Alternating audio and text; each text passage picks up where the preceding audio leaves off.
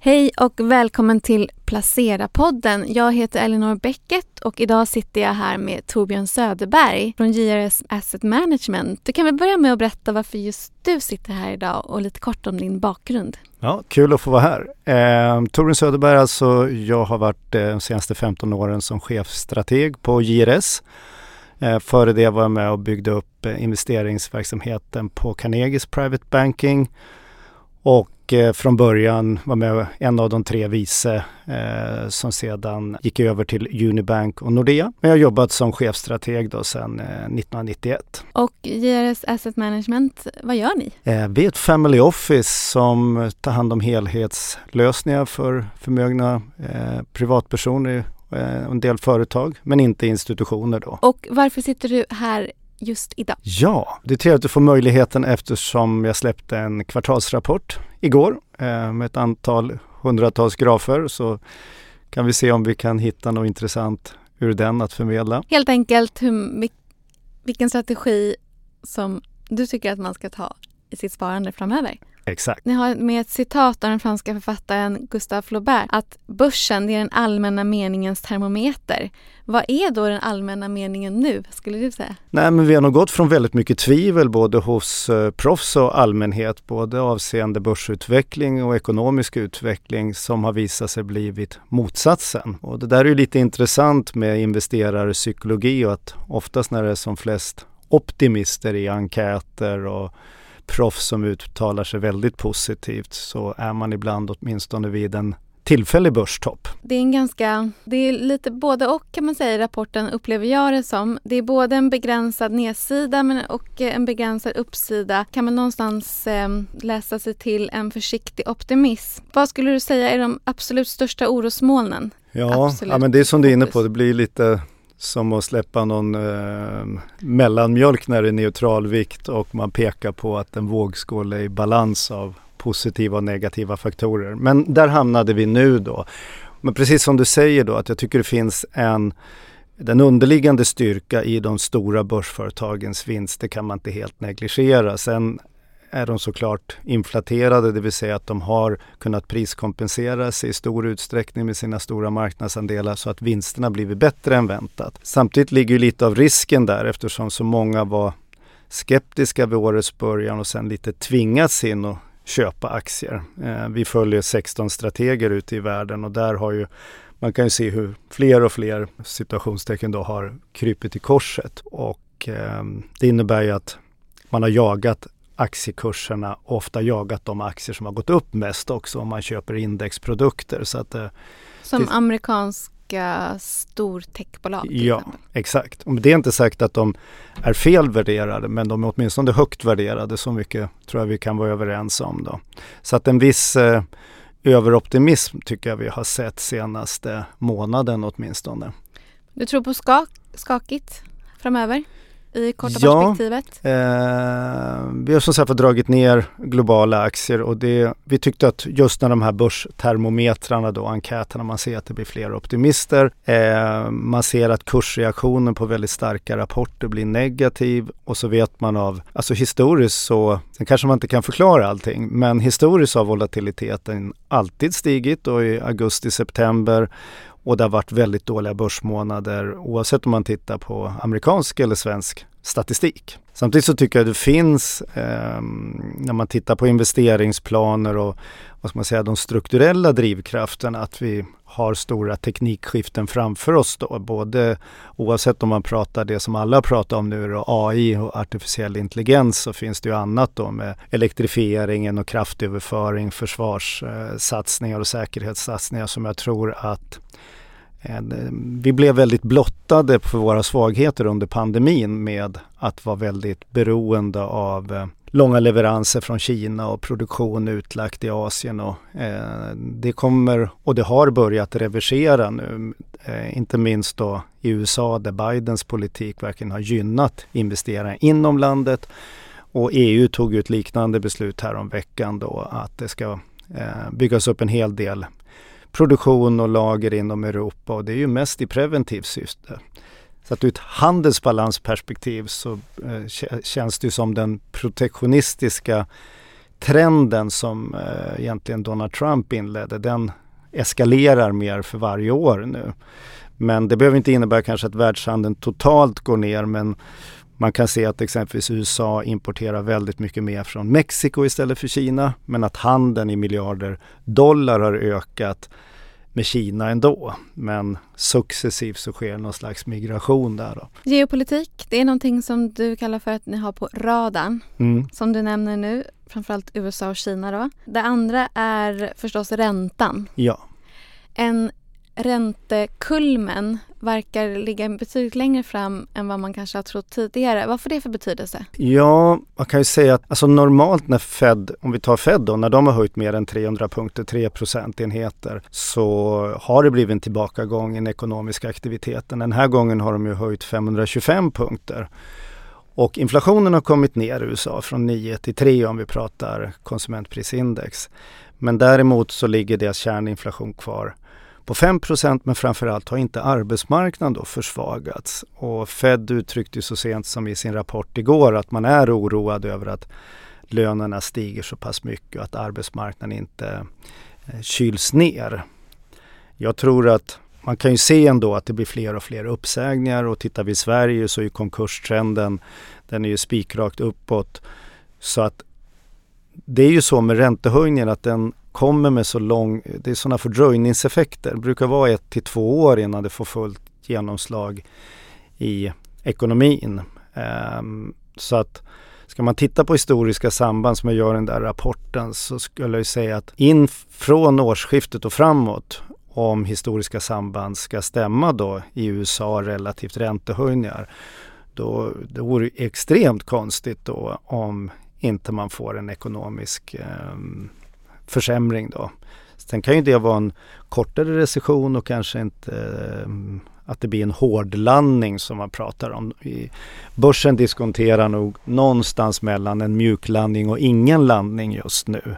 Det känns lite läskigt i sig. Ja, det är lite höga förväntningar på den delen. Va? Men så risken är nu om arbetsmarknaden fortsätter att förbättras att Eh, Fed och det gäller ju även Riksbanken och ECB fast kanske mindre utsträckning. Men att de höjer för sent och för mycket. Och man kan läsa nu att splittringen inom Fed blir större och större. De som säger att Nej, men nu måste vi ta det lugnt för att det kommer att ge effekter i ekonomin. Vi måste ha lite tålamod. Um, så det kommer att vara i fokus och det är en risk som också då naturligtvis kan drabba Eh, bostadsmarknaden, framförallt i Sverige då om du fortsätter med räntehöjningar.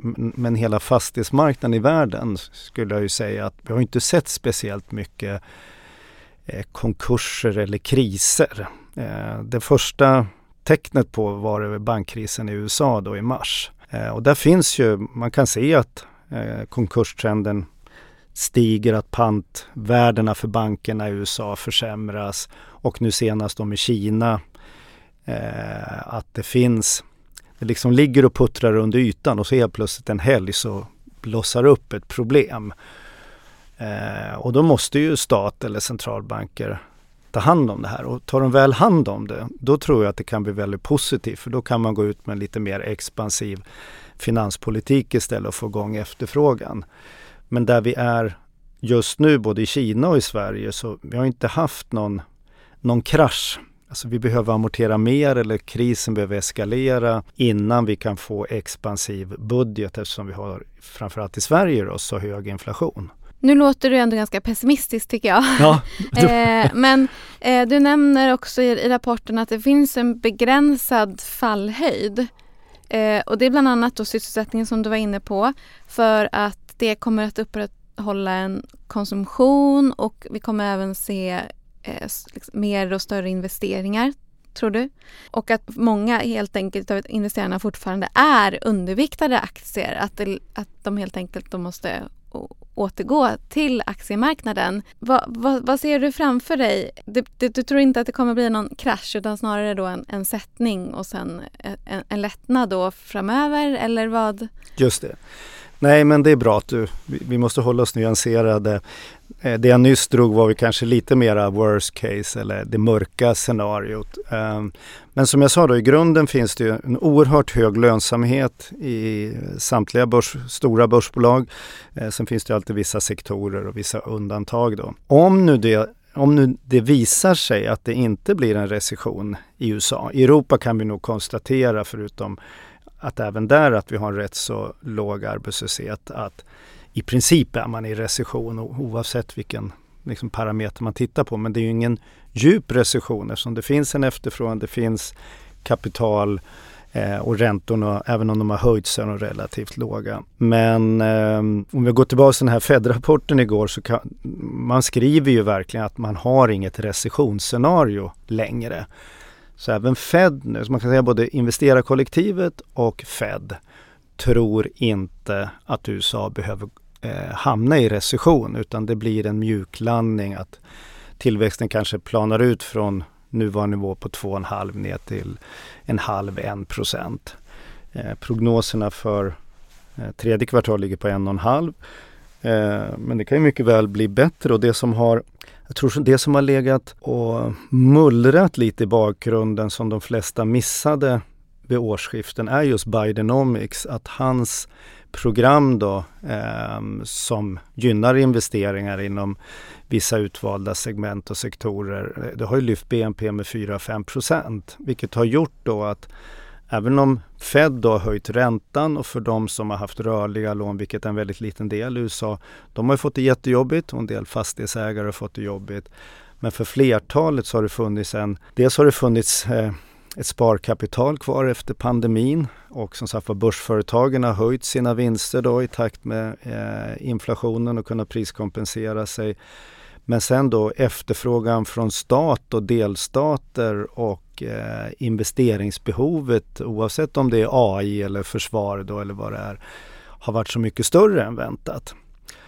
Och då kom vi in lite på det här med presidentcykeln också då att tredje och fjärde året brukar vara rätt så bra börsår i USA. Och det tror jag har att göra med att när det blir gridlock också i, i kongressen, det vill säga när det är balans där så känner sig börsen väldigt säker på att de inte kan komma med några tokiga eh, nya eh, skatter på utdelning eller reavinst eller så. Och ingen vill egentligen ha för dålig ekonomi in i ett presidentval. Så ligger det här och puttrar på och vi undviker någon större fastighetskris då, Europa, Sverige, USA, om vi lämnar Kina åt sidan. Då kommer vi alltså ha gått igenom en räntehöjningsperiod, en av de kraftfullaste genom tiden och inte hamna i recession. Då tror jag att man får en väldigt stark framtidstro. Och har vi dessutom de här tvingande miljöinvesteringarna och elektrifieringen då, eh, tjatar om det då, men vi behöver ju vad är det, fyr, fem dubbla investeringarna i grön teknik då fram till 2030 för att överhuvudtaget kunna klara Parisavtal och annat. Då tror jag att det kommer finnas väldigt mycket riskvilligt kapital till det. Men det är det här nålsögat vi är nu, som jag säger då, på 6 till 12 månader. Hur hårt kommer fördröjningseffekterna av räntehöjningarna slå i både USA, Europa och Sverige?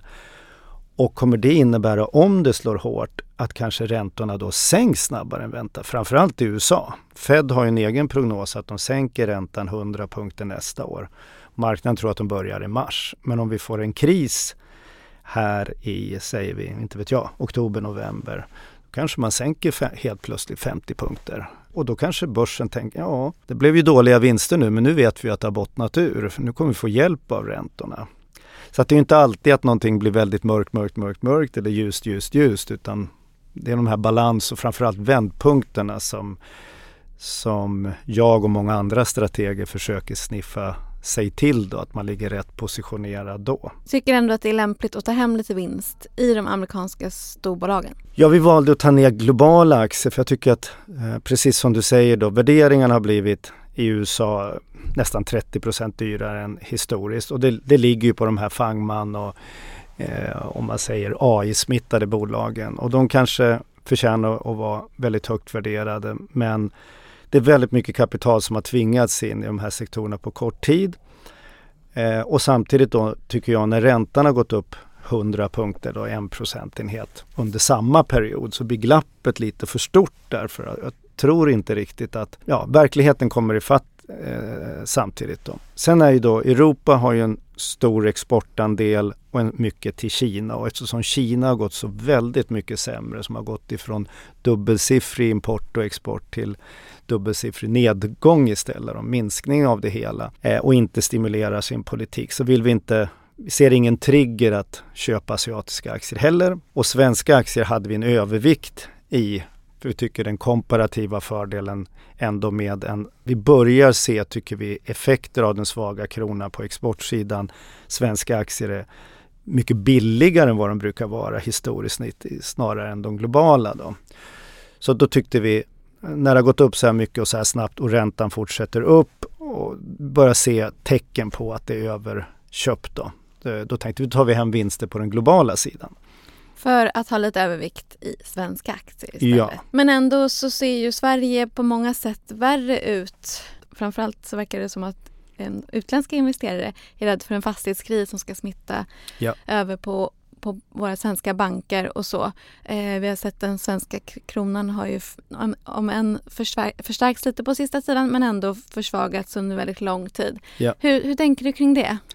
Nej men det är ett allvarligt problem och eh, korrelationen är väldigt hög. Ju mer eh, Riksbanken höjer räntan så försvagas kronan istället mot euron och fastighetsindex går ner. Det vill säga att man har positionerat sig för att man ser att med den belåningsgrad som många privathushåll har, framförallt i storstadsregionerna, att eh, den vad man säga, bostadsbubblan brister i viss grad så att privatkonsumtionen går ner. Man ser att Sverige har en hög inflation så att vår, vår budget kan inte vara för expansiv heller. Vi får inte igång tillväxten och vi har en del fastighetsbolag, vi vet ju vilka, som har stora problem med finansiering och förtroendekapital. Eh, och innan det problemet är löst så tror jag inte att kronan kan stärka speciellt mycket. Sen är det ju så att nu när amerikansk tillväxt fortsätter att expanderad och, och så har våran fortsatt att sjunka till och med 1 mer än vad Riksbanken har trott under samma period.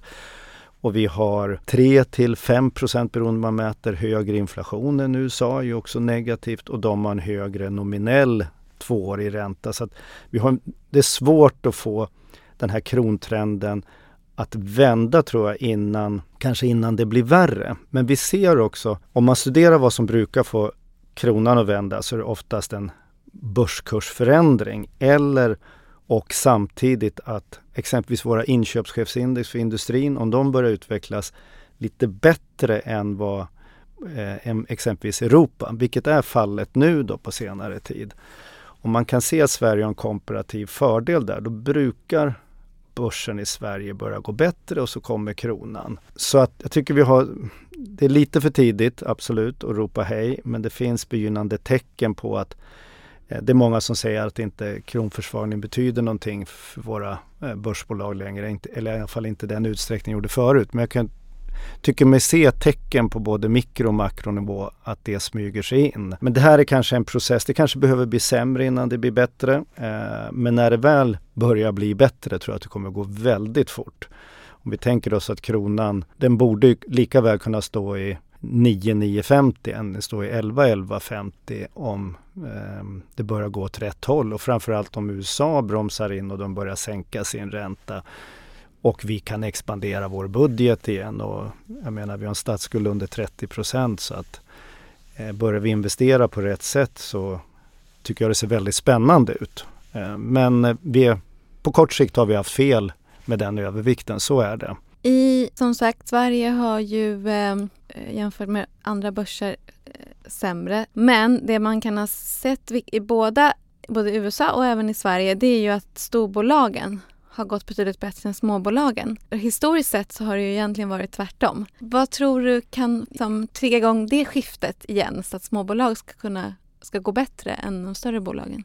Ja, man kan väl säga åtminstone att den, den senaste tidens börsuppgång i USA Även om den triggades och att techbolagen återigen var ledande så har det varit lite mer bredd ändå. Flera sektorer och eh, mindre bolag har ryckts med. Till och med de minsta med bolagen eh, har kommit till ropet igen. Så att det är nog på gång om den här rekylen som vi tror är nu tillfälle på amerikanska börsen. Det kanske går ner 3-4 procent till men mer ska den nog inte heller gå ner om det nu bara är en rekyl. Om vi skulle få ett riskpåslag igen och fortsatt stark eh, inhemsk makrodata från USA, då borde ju med, ja, med all historik vi har och sett till värderingar och hur underägt som du är inne på, på small caps och småbolag, så borde ju småbolag successivt eh, komma mer i ropet. Men det har börjat i USA i alla fall. Och det är samma i Sverige då. Så länge vi går sämre än index eh, och utlänningarna som Dagens Industri uppmärksammar idag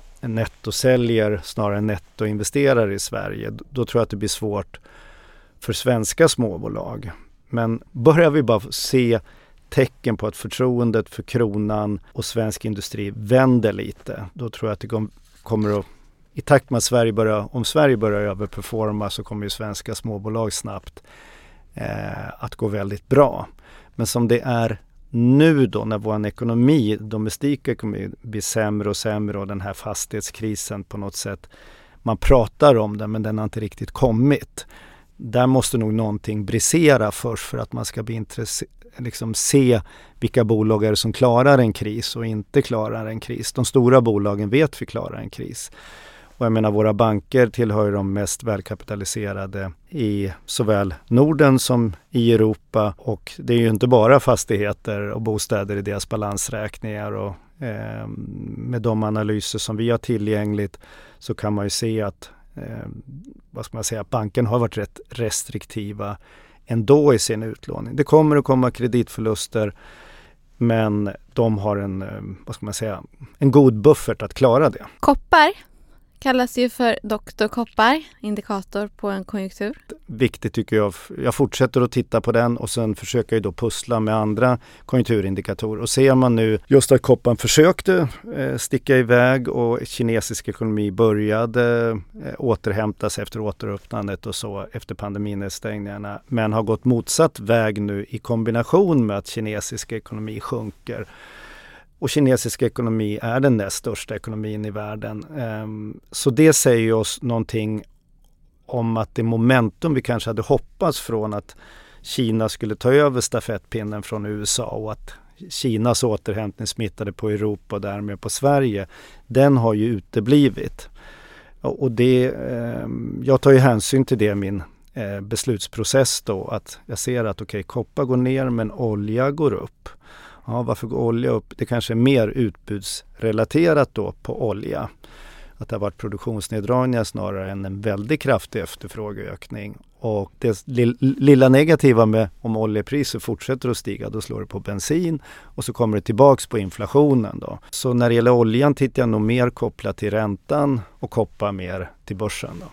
Och när vi ändå är inne på Kina igen, vad, vad, vad får det för betydelse här hur vad som faktiskt kommer att hända i Kina och om det till exempel blir några jättestora stimulanser. Va, vad har det för betydelse? Eh, nej, men jag tror att... Um... Är det en av de här viktiga faktorerna som du ser framför dig måste liksom inträffa? Eller kan vi ändå eh, liksom undvika en konjunkturnedgång utan att Kina är med på tåget? Ja, en oväntat stor och tydlig stimulans från kinesiskt håll skulle nog eh, trigga börsen mer uppåt och på sikt då få mera uppreviderade vinstprognoser och kanske speciellt då som du är inne på Europa och indirekt Sverige. Eh, och det motsatta då eftersom vi kommer tillbaka till det här fördröjningseffekterna av räntehöjningarna och att vi inte riktigt har sett någon default eller konkurstrend i Europa.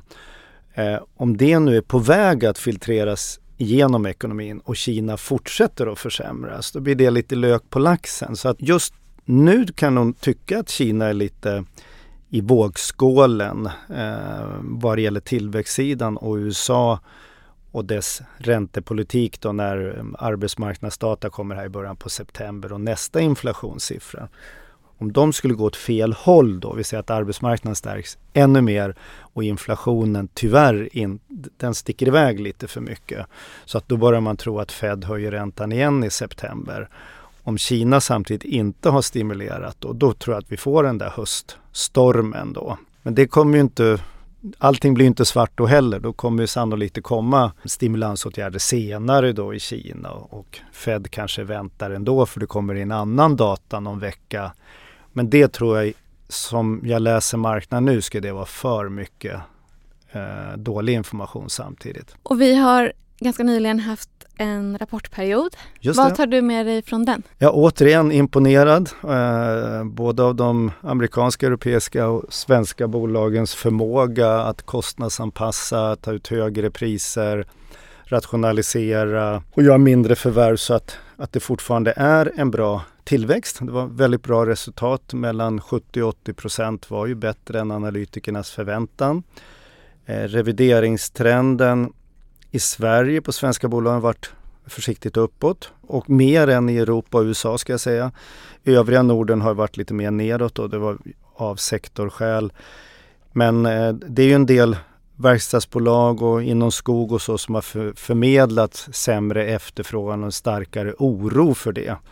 För om vi tar, det pratas ju mycket om inköpschefsindex och de här enkäterna eh, och om vi tar för industrin eh, nu har vi haft nio månader i rad som det har legat under 50, den här expansionsgränsen i USA. Då har det, det har bara varit en gång i historien och det var på mitten på 90-talet som det inte har blivit recession. Och i Sverige har vi varit väldigt djupt men det har ändå kommit tillbaks då. Men vi ligger ju under den här expansionsgränsen nu på samtliga marknader och det vore ju konstigt. Och vi analytiker om jag säger vi, vi har ju förundrats över att gapet är så stort på att svensk verkstadsindustri exempelvis, den organiska försäljningstillväxten, det, alltså det bara fortsatt att öka fast det här indexet går ner.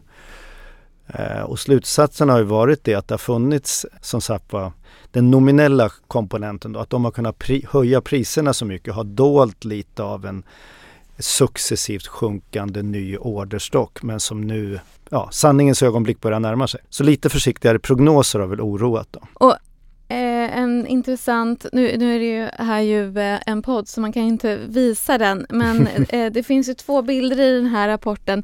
Som dels är räntecykeln och dels är en konjunkturcykel. Och det handlar ju om då vilken timing man ska ha när man eh, eh, köper till exempel tillväxtaktier eller generellt eh, tar mer risk helt enkelt. Och då är det ju mycket, liksom, det är mycket frågetecken här. Mm. Och då är det ju frågan, var är vi? Just det. Och det är det som är liksom den springande punkten nu, att var är vi i konjunkturcykeln? Var är vi i den här räntecykeln? Nej men det är väl åtminstone en, eh, en del av pusslet som du säger och det, det är ju många ekonomer eh, och ekonomiska modeller som inte har fungerat under det här året. Just på grund av det här vi har pratat om, att det har varit en otrolig eh, penningpolitisk åtstramning med sjunkande penningmängd och å andra sidan då en fiskal, alltså den finanspolitiska tillväxtstimuleringen då i USA har varit väldigt verk, verkansfull.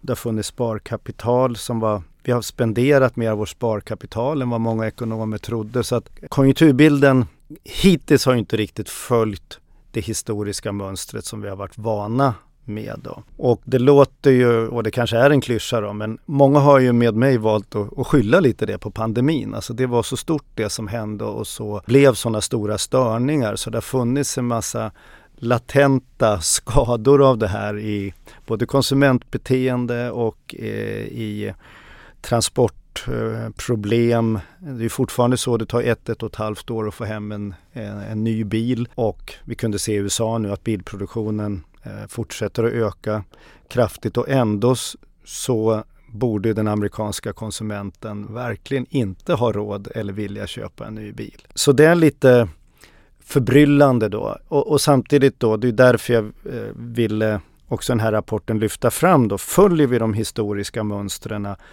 Eh, så är det helt okej okay att, att arbetslösheten fortsätter att sjunka men att den skulle göra det ett halvår till det är i princip osannolikt då relativt den åtstramning som har varit. Så, och lyckas vi mjuklanda som Fed tror att de kommer att klara av, det blir i princip first time in history. Men man ska ju aldrig säga aldrig. Men det, det har varit svårt. Vi och jag jobbar parallellt med matematiska modeller. Jag har gjort det sedan 1986. Så hade vi inte haft de här kvantmodellerna som har varit positiva egentligen sedan november förra året medan investerarkollektivet, om man tittar på strateger och deras börsprognoser, de har varit negativa. Och hade man inte haft eh, andra filter än att bara titta på historiska konjunkturmönster. Då hade vi haft väldigt mycket mindre aktier för våra kunder än vad vi har haft. Så vi har köpt aktier under den här perioden. Sen kan man tycka efterhand att vi kanske skulle haft ännu mer då. Där tycker jag att man har väldigt stor hjälp av matematiska modeller och AI att inte, vad ska man säga, att man inte bara hamnar i en investeringsprocess för att fördröjningseffekter, man vet aldrig när, man vet kanske hur och hur det ska bli någon gång. Men det kan ju innebära att man missar ett halvt år av börsuppgång på 20 procent. Om man då kör en liten sammanfattning då. Det som talar mot börsen det är ju att centralbankerna fortsätter att strama åt. Vi tror ju till exempel så förväntas ju Riksbanken och ECB att höja lite till här nu då.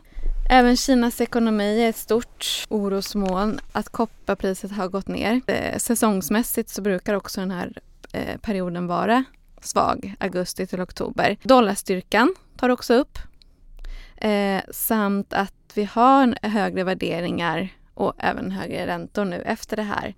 Plussidan då? USAs tillväxt bland annat. Och att vi har passerat inflationstoppen. Vad ser du mer på plussidan? På lite längre sikt så tror jag att vi kan gå emot en fantastisk tillväxt givet att det geopolitiska läget inte spårar ur totalt. Då. Om vi går tillbaks till de här investeringarna som måste göras eh, om vi bortser från försvaret och, och säkerhet. Men eh, jag tror att jag tror inte man kan eh, vifta bort vad AI kan betyda för framförallt för både innovation och för vissa sektorer där det går att effektivisera enormt vilket inte in, behöver innebära ökad arbetslöshet eh, på sikt. Då. Men investeringar behövs det och eh, jag hoppas att många stater, inklusive Sverige, bjuder in det privata näringslivet så vi får igång de här investeringarna. En del ledande indikatorer som vi var inne på framförallt för svensk industri ser ut att ha bottnat ur. Till exempel inköpschefsindex då? Ja, precis då. Exakt. Och den vinstnivå vi har nu, vi har en lönsamhet i snitt på börsen på nästan 16 procent på eget kapital. Även om det blir en sämre konjunktur så sker det från otroligt höga nivåer. Varvid jag tror att börsbolagen och även då vi som investerare kan ta det med lite större lugn givet att det inte går i baklås då med någon fastighets och bankkris. Då. Men hittills tycker jag ändå att myndigheter och marknad, jag tycker Mars var ett väldigt bra exempel på hur man klarade den begynnande bankkrisen på ett väldigt snabbt och smidigt sätt. Och det är väl därför också, bland annat som kreditmarknaden då eh, är så pass lugn som den är. Det är rätt så låga kreditspreadar för de bolag som ser eh, hyfsat friska ut och bankerna kan låna upp till låga spreadar igen då efter stormen i mars. Så att det liksom underliggande så, jag skulle kunna lägga till att när man tittar på sådana här bull markets då, när börsen som nu har gått upp med 20% från botten, då karaktäriseras det, det som en bull market. Vi har haft tio sådana genom börshistorien och de brukar i snitt, då brukar ju börsen gå upp med 50 och 100 procent minst. Det är det minsta, som i snitt 170 procent. Och pågår då i fem år ungefär, men minst i två år. Eh, jag tycker det är ett jätteintressant exempel med 1966 och 67, men det kan vi ta en annan gång. Det ser rätt så likadant ut på många parametrar. Eh, men då har vi nu bara gått upp i tio månader och bara gått upp 30 procent. Och eh, det finns ju väldigt många som hävdar, och man kan hitta bevis för det också, vi har redan haft en recession bakom oss beroende på hur man definierar det. Men vi hade ju en otrolig ekonomisk tillbakagång egentligen under korta perioder under eh, förra året. Då. Och en kraftig inbromsning framförallt då från 2021. Så det finns ju en del cykler då vi var inne på presidentcykeln och annat. Och återigen, det är väldigt många människor eh, som just nu har jobb och vi hoppas att det ska förbli så då. Men det, det, också, det innebär ju också om den här plussidan får fäste, ja, då tror jag ju inte att vi får ner inflationen så lågt kanske som vi kanske måste justera inflationsprognoserna. Men det, det är ju vad vi hoppas på väldigt mycket kanske då att centralbankerna skulle göra det. Men säg att 2% som är inflationsmålet, det kanske blir den nya botten istället. Om vi får den högre tillväxten. Jag tror inte vi kan ha både och som vi har haft tidigare. Men vem vet, med de deflationistiska tendenser då som vi har från Kina och tittar vi på producentprisindex nu, de är ju nere på noll. Och tar vi amerikansk inflation och tar bort boendekostnad, då ligger tre månaderstakten också på noll. Så eh, det skulle kunna bli helt fantastiskt. Vi avslutar med de optimistiska orden. Tack så mycket för att du kom hit Torbjörn Söderberg. Tack Elinor, trevligt.